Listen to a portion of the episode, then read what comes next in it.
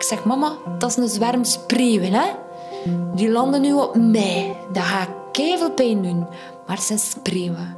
Overmorgen zijn ze weg. Toen tv-maker Bart de Pauw exact vijf jaar geleden in een video bekend maakte dat hij wegens klachten over grensoverschrijdend gedrag niet meer voor de VRT mocht werken, barstte MeToo in Vlaanderen in alle hevigheid los.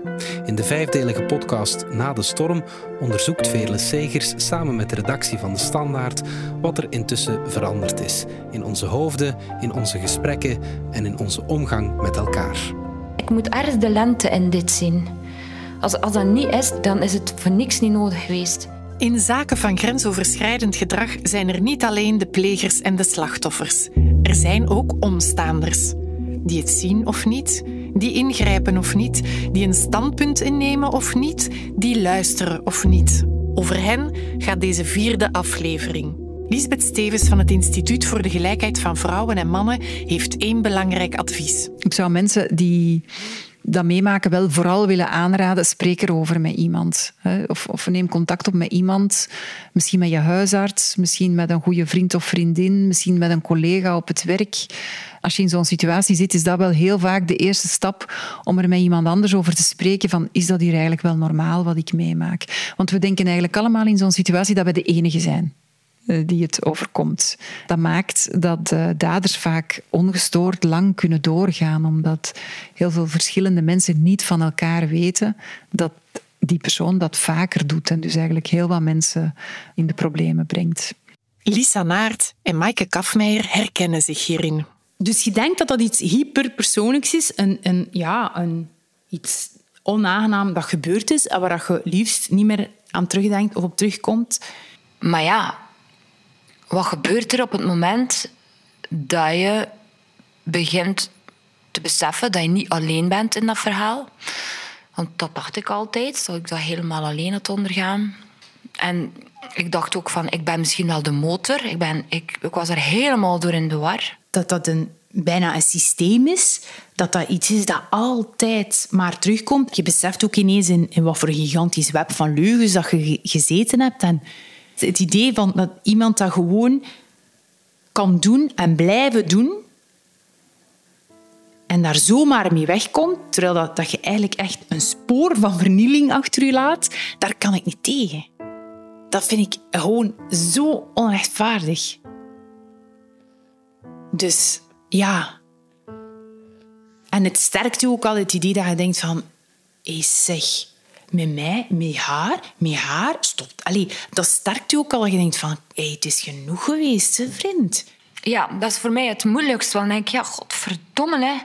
Had je daar toch een keer iets kunnen of tegen iemand... Of had ook iemand mij een keer gewaarschuwd? Want blijkbaar waren er mensen die dat wisten. Dan was dat voor mij zo'n ander verhaal geweest. Ik schaamde mij dat ik, eh, niet, dat ik zo dom geweest was om, daar, om daarin te trappen. Terwijl ik nu denk van ja, maar ja... Dat heeft niets te maken met, met slim of dom of jong of oud. Of, dat, dat staat er helemaal los van. Hij heeft enorm misbruik gemaakt van mijn schaamte daaromtrent. En ik kon daar tegen niemand iets over zeggen. En dan ben ik hulp gaan zoeken bij uh, klinisch psychologen. Niemand heeft mij ooit gewaarschuwd, dus maar ik was op dat moment was ik ook echt nieuw in die wereld. Hè. Ik, ik kende niemand. Die, die ploeg van Willy en Mariette was mijn eerste groep collega's. Dus ik had ook nog geen connecties of kennissen. Of, dat, dat was er niet. Dus wie zou er mij moeten waarschuwen hebben? Ja, er was gewoon niemand. En ik sprak daar met niemand over. Dus niemand kon mij ook waarschuwen.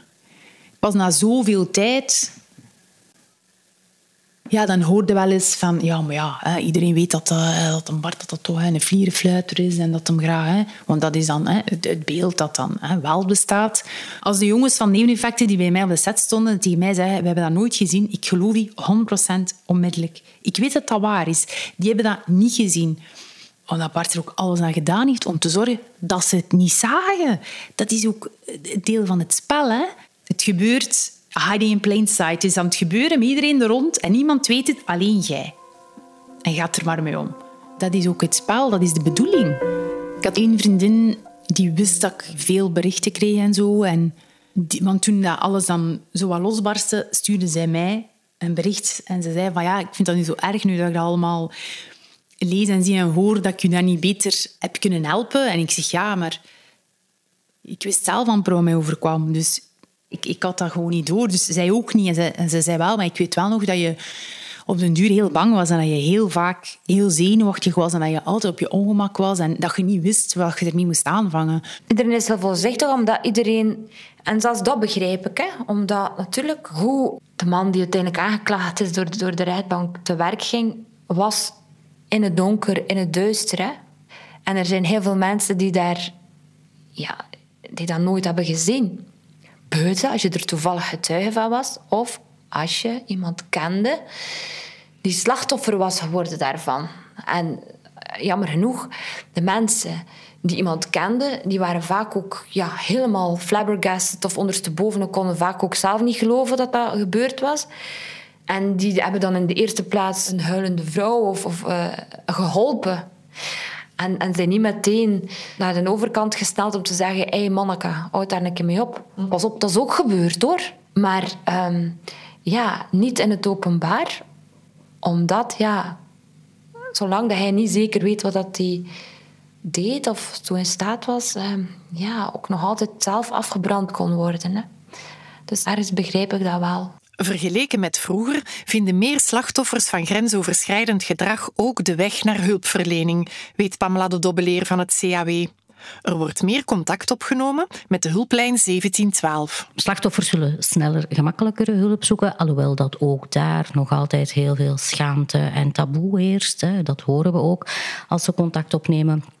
Daarom dat 1712 ook met een chat gestart is, dat er ook een chat bestaat rond uh, seksueel grensoverschrijdend gedrag, hè, uh, specifiek. Want Chat is een zeer anoniem middel, zeer laagdrempelig. En ja, veel slachtoffers hebben toch dat eerste laagdrempelige, anonieme middel nodig om die stap dan te kunnen zetten. En eenmaal ze gerustgesteld worden, dan wel uh, verdere stappen kunnen zetten naar hulpverlening. Nog een verschil met vroeger is dat omstaanders nu al meer geneigd zijn om tussen te komen, vertelt Julia D. van Sensoa. We hebben um, een campagne gedaan rond omstanders en we hebben toen ook jongeren bevraagd tussen 16 en 26.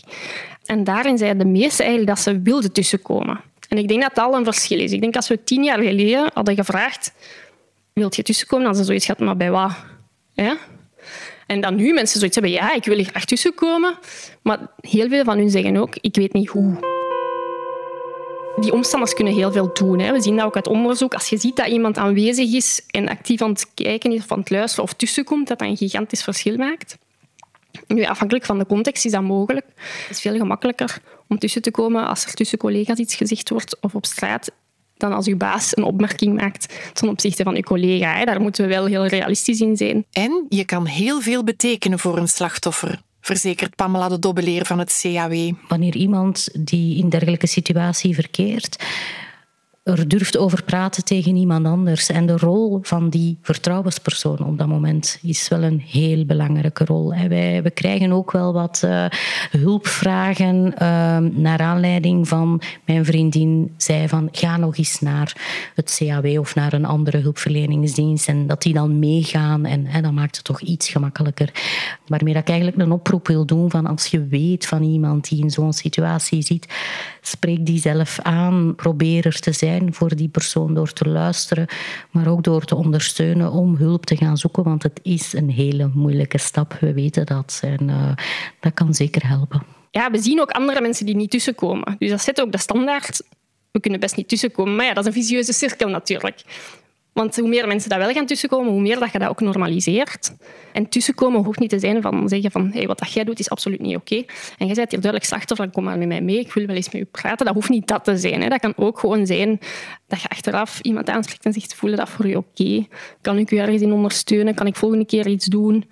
Of dat kan zijn voor afleiding zorgen of achteraf die persoon eens aanspreken en zeggen van ik had niet het gevoel dat ze dat tof vond. Of um, altijd kun je iets doen, al is het achteraf. Um, steun bieden of aanwezig blijven. Als de zaak De Pauw en alle MeToo-verhalen iets hebben betekend, is het misschien wel dat omstaanders nu weten hoe belangrijk zij zijn, vindt Lisbeth Stevens. een van de verdiensten van MeToo is, zeker in, in Vlaanderen, is dat er meer openheid gecreëerd is om daarover het gesprek aan te gaan, om te discussiëren, om te zeggen ik vind dit niet fijn en eigenlijk aan de andere persoon te vragen om het dan niet meer te doen.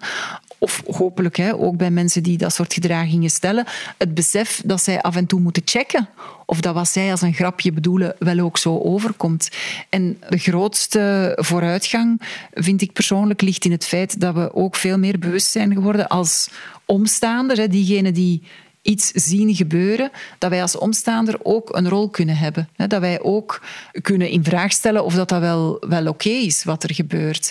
Bij Sensoa is die rol van de omstaander onderzocht. We zien eigenlijk dat er verschillende stappen zijn die je doorloopt als je tussenkomt. Um, en één is, je moet het zien. Twee is, je moet het herkennen. Ook al wel een belangrijke. Als jij bijvoorbeeld denkt dat mannen geen slachtoffer kunnen worden, ja, dan gaat je ook niet tussenkomen als je mannelijke collega hè, seksistische opmerkingen krijgt of wordt lastiggevallen. Maar dan daarnaast zijn er ook nog dingen gelijk victimblaming, dat je eigenlijk denkt, ja, heeft er ook wel een beetje om gevraagd. Ik ga nu niet de held uithangen als ze er zelf om gevraagd heeft. Maar ook gewoon ja, wij zijn opgevoed om beleefd te zijn. We willen de sfeer niet verpesten. Dus ook al zien we dat het echt wel mis is of dat het wel raar is, ja, zijn we eigenlijk echt wel opgevoed om beleefd te zijn en niet te hard te confronteren. En dat hangt ook een beetje af van je persoonlijkheid. Hè. Als jij iemand zegt die heel snel mopjes maakt, dan zul je wel sneller zeggen van me too. En dat is ook een soort van tussenkomen. Maar deel is ook gewoon dat wij... Ja, je moet je met je eigen zaken. Hè. Ik denk dat we dat heel vaak gehoord hebben. Um, en zeker in Vlaanderen. Ik denk dat we misschien nog iets minder direct zijn dan Nederlanders bijvoorbeeld, um, of Amerikanen. Als ik bekijk hoe het in Nederland is gegaan, ik toch een vergelijking mag treffen van bijvoorbeeld de dochter van Herman van Veen, die ooit een, uh, gepraat heeft over Jaap Klaas, toneelleraar in de Academie van Amsterdam. Kijk, als dat meisje bij Paul Witteman ging gaan getuigen, dan moest zij niet meer de barrière van ongeloofwaardigheid over. Namelijk, zij werd gezien als iemand die onrecht en oneer werd aangedaan. En in België is dat nog altijd niet het geval. Dus wat doe je zwijgen? Omdat je geshamed wordt, omdat je, omdat je weet van ze gaan proberen om van mij een hoer te maken, een rancuneuze uh, ex-geliefde. Want als een zaak van grensoverschrijdend gedrag een mediazaak wordt, zijn er ook die andere omstaanders. De meestal anonieme toeschouwers die een mening geven van achter hun computer. Lisa Naert leest er een paar voor. Ach, get alive. Wat een belabberde motivatie. Benieuwd wie die gelukzoekers zijn om iemand zijn gezin en carrière te vernietigen. Overtuigd dat het toppies zijn. Gewoon negen haaien die gebeten zijn door een orka. Die zaak De Pauw is in feite niks anders dan een uit de hand gelopen bitchfight, waarin een aantal stikjaloerse scharrels, in plaats van elkaars ogen uit te krabben, de krachten hebben verenigd om zich te wreken tegen hun overspelige carrièrebooster met een stuk in zijn kloten. Nice. Dan denk ik, ja, dan denk ik dat er nog veel werk aan de winkel is. Dan denk ik, ja, mannetjes vooral die laatste dan, dan denk ik, welk, dat is, het beeld van de vrouw is toch echt niet proper. En dan denk ik, allee, dat zijn dus de dingen die, die, die ik wel vermijd, want, want je slaapt niet meer hè, dan. Als je er zo tien aan elkaar leest, dan, dan slaapt je niet meer. Hè. Ja. Maar ja, goed, het is wel tekenend voor wat er leeft onder mensen. Hè. Dit is er wel, hè. Hey, dat, moet je wel aan denken. Als ik door de lijst loop, zal er wel iemand zijn die dat denkt. Hè. Kans is, is. Hè. De stromen van, van reacties en meningen en hoe dat dan gonst in, in, in, de, in de buitenwereld, dat is ja, indrukwekkend. Ik, ik, ik, ja, dat maakte mij angstig vooral. Ik wou ook natuurlijk, kijk, weet je, voor mijn mama en, zo bijvoorbeeld, hè, die uh, zeer trots is op mij, dan moet zij nu ook uh, ja, overweg kunnen met, met blikken die, uh, die haar misschien kwetsen. Hè. Um, en daar heeft zij ook niet om gevraagd. In het begin bij de rechtszaak heb ik toen gezegd, niet doen. Niet doen. Echt niet doen, mama. Het, het gaat je zo gelukkig maken. Ze gaan dingen over mij schrijven waar dat je gewoon een week, twee, drie weken nodig hebben om daarover te raken. Niet doen. Ja, ze deden toch. Ze lag, ze lag meteen lam. Hè. Ah ja, natuurlijk wel. En uh, toen heeft ze mij geloofd.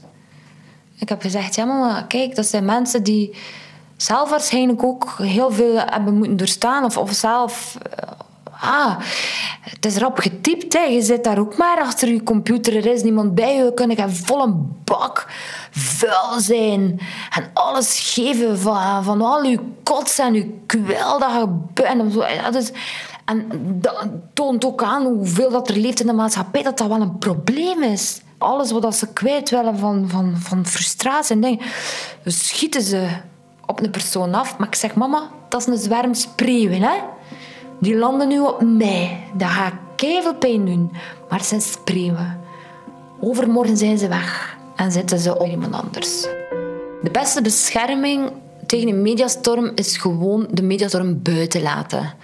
Dat we zeggen, deur toe, brievenbus dichtplakken, computer dicht, zelfs vrienden buiten op dat moment omdat ze soms heel goed bedoeld de verkeerde artikels uh, voorleggen.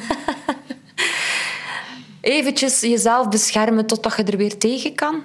Maar dat is wel echt moeilijk hoor. Dat is echt, dat is een beetje ja, een master, masterproef. Koordansen. En extra moeilijk is het wanneer de getuigenissen op ongeloof stuiten. Als iemand eh, met zo'n verhaal komt, het is zo belangrijk dat je daar naar luistert. Allee, dat dat goed opgevangen wordt, dat dat aankomt, dat dat... Dat is echt belangrijk. Het beeld dat je van iemand hebt correspondeert niet altijd met de, met de werkelijkheid. Of hè, valt niet 100% samen met de werkelijkheid. Want dat was voor veel mensen een grote shock van... Maar dat kan nu toch niet? En dat is nu zo'n toffe, grappige man. Het is ook zo. Maar het sluit elkaar niet uit. En je ziet dat niet aan mensen. Dus je, je, kunt daar niet, je kunt daar niet op voortgaan. En het is ook niet fair om tegen iemand die zijn verhaal doet te zeggen van dat kan niet zijn, want dat is, een, dat is een veel te sympathiek mens. Ja, ja, maar zeg, het zal wel zo erg niet zijn, zeker. En zo, allee, het zal wel, oh, dat is zo'n leuke man, zijn zo lief en zo. Maar ja, iemand die zo is, dat is geen groenogig monster. Hè. Dat is niet iemand die tegenover jou zit waarvan dat je zegt, run Forest, run. Een verwijt dat wij veel kregen van mensen is... Uh, eh, die arme man en zijn, en zijn gezin, dat gezin, die kinderen. Hè.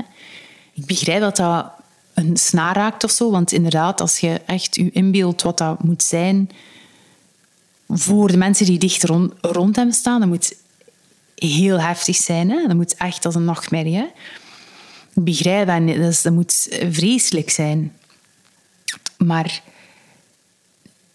wij zijn daar niet de oorzaak van. En, en dat is iets dat dat is wel een, een, een soort kromme redenering die, echt, die ook echt wel rechtgetrokken moet worden. Het is niet de bedoeling dat een slachtoffer zwijgt om de omgeving van de dader te sparen. Dat is een, dat is een compleet verkeerde motivatie. Allee, ik denk dat dat ook soms kan een, een barrière zijn om iets te gaan vertellen, omdat je, je bent ook bang voor de gevolgen. Hè. Je wilt niet iemand ten gronde richten en, en, en de kinderen. Je wilt dat niet. Hè? Dat, is, dat is gewoon het resultaat ervan.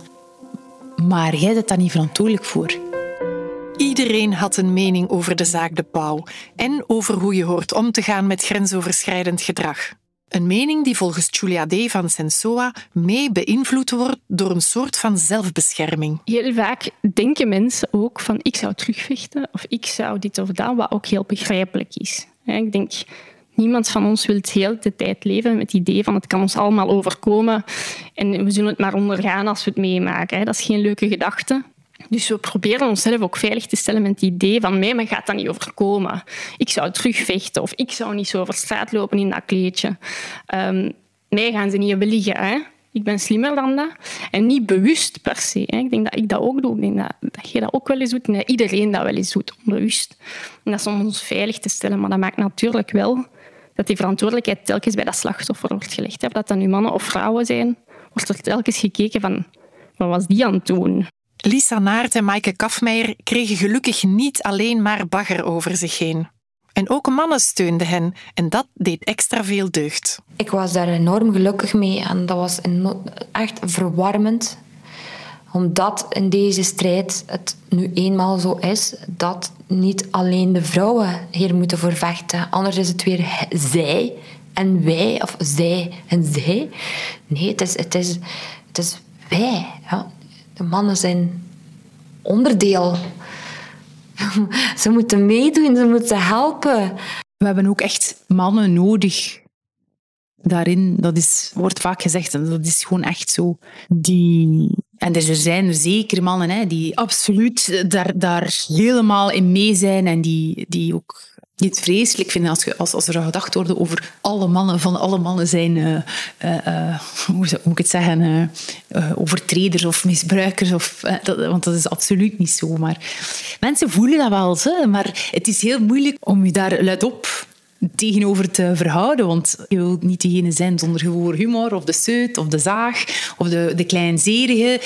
Maar ik denk dat dat wel heel veel kan helpen als, als dat in een werkomgeving bijvoorbeeld, als dat door iedereen die daar werkt gedragen wordt van dat gedrag wordt niet getolereerd, dan geeft die ook niet meer zo'n plateau om dat te doen. En dat is wel een belangrijk iets dat kan veranderen. Ja, wegkijken is altijd gemakkelijker. Het toedekken met... Uh, de mantel der liefde van oh, oh, hè, dat is maar om te lachen en zo, dat soort dingen, ja, dat houdt het alleen maar in stand natuurlijk. En het is niet voor te lachen, dus ja. Maar openlijke steunbetuigingen voor de vrouwen in de zaak De Pauw waren heel zeldzaam. Tom Leenaerts sprak erg vaag over de zaak in het programma Alleen Elvis blijft bestaan. Ik vind het ook heel moeilijk om erover te praten. Ja, ja. Omdat dat heel gevoelig ligt. Ja. En ja, ik heb het gevoel dat alles wat ik erover zeg, dat op zoveel manieren kan geïnterpreteerd worden. Of gebruikt worden. Of gebruikt worden. zijn gebruikt in de rechtszaal. In de rechtszaal tot mijn grote verbazing. Ja. Terwijl wat er bij mij overheerst is... Uh, ja, en je vervalt in platitudes als je erover spreekt, maar dat had nooit tot een rechtszaak mogen komen. Iedereen die erbij betrokken is, is vernederd geweest de voorbije jaren. Alleen maar miserie. Vier jaar tijd. Voor al die partijen. Wat een hel. En Jonas Schernaert schreef een open brief net voor het vonnis werd uitgesproken, waarin hij wel duidelijk standpunt innam. Ik wil alleen maar één boodschap heel duidelijk stellen. De vrouwen in deze zaak verdienen onze steun en tonnen respect. Want zij hebben de moed gehad om een gedragspatroon aan te kaarten dat enorm veel schade heeft aangericht, in de hoop het te kunnen stoppen.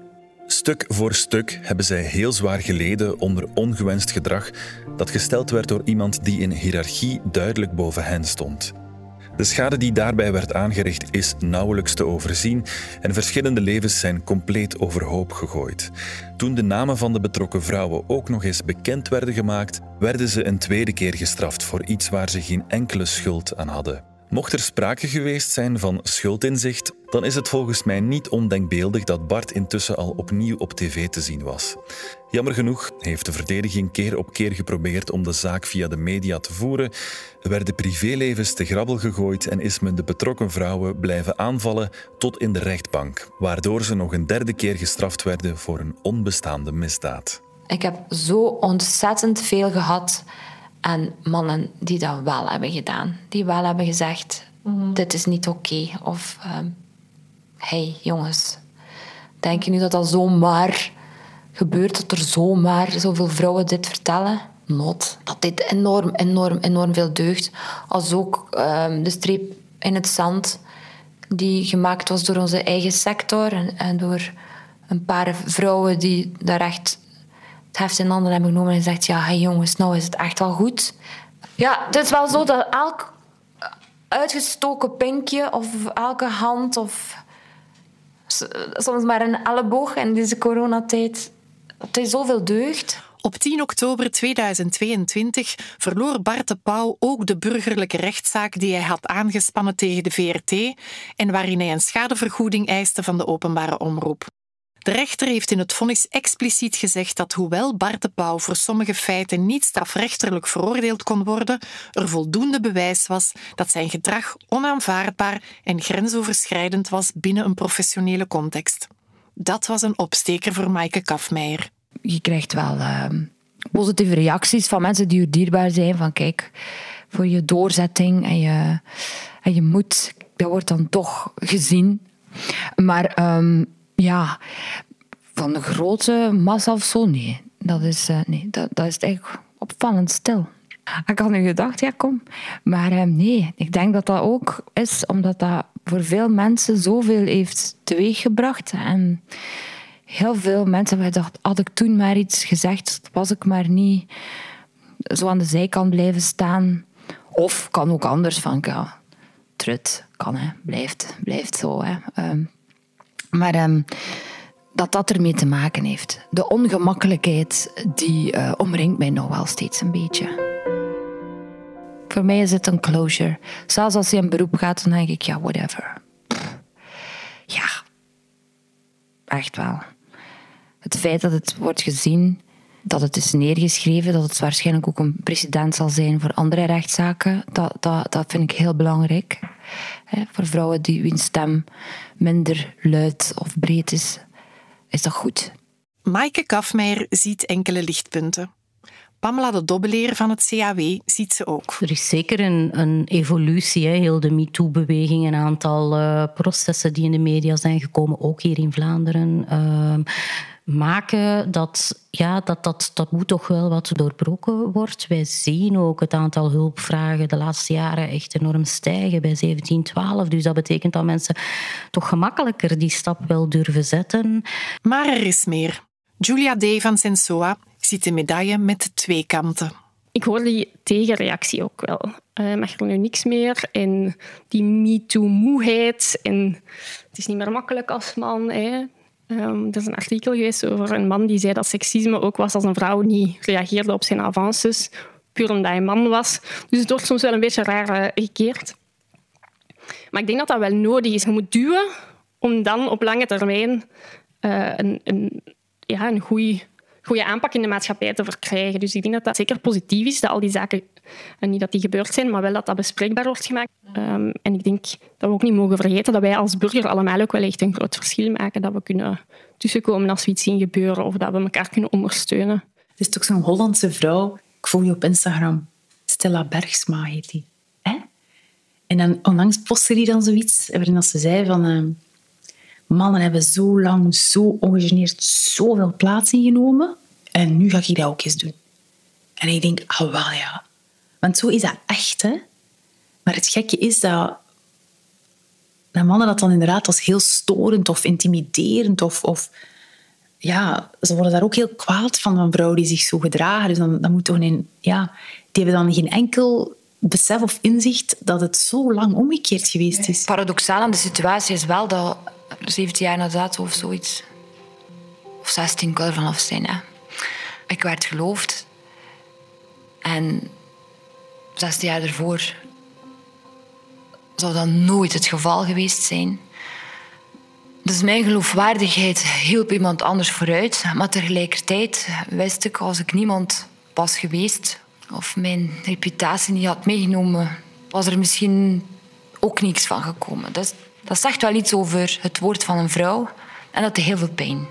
Natuurlijk, ja, als je het met een beetje afstand bekijkt en je denkt van ja, als dertien vrouwen of twaalf vrouwen uh, of dertien partijen dan niet opwegen tegen het woord van één man, dan, ja, dan denk ik, jongens, ja, dat vind ik wel... Als je daarover nadenkt, daar kan ik wel wat moedeloos van worden. Dit was de vierde aflevering van Na de Storm, een co-productie van De Standaard en het productiehuis De Hofleveranciers.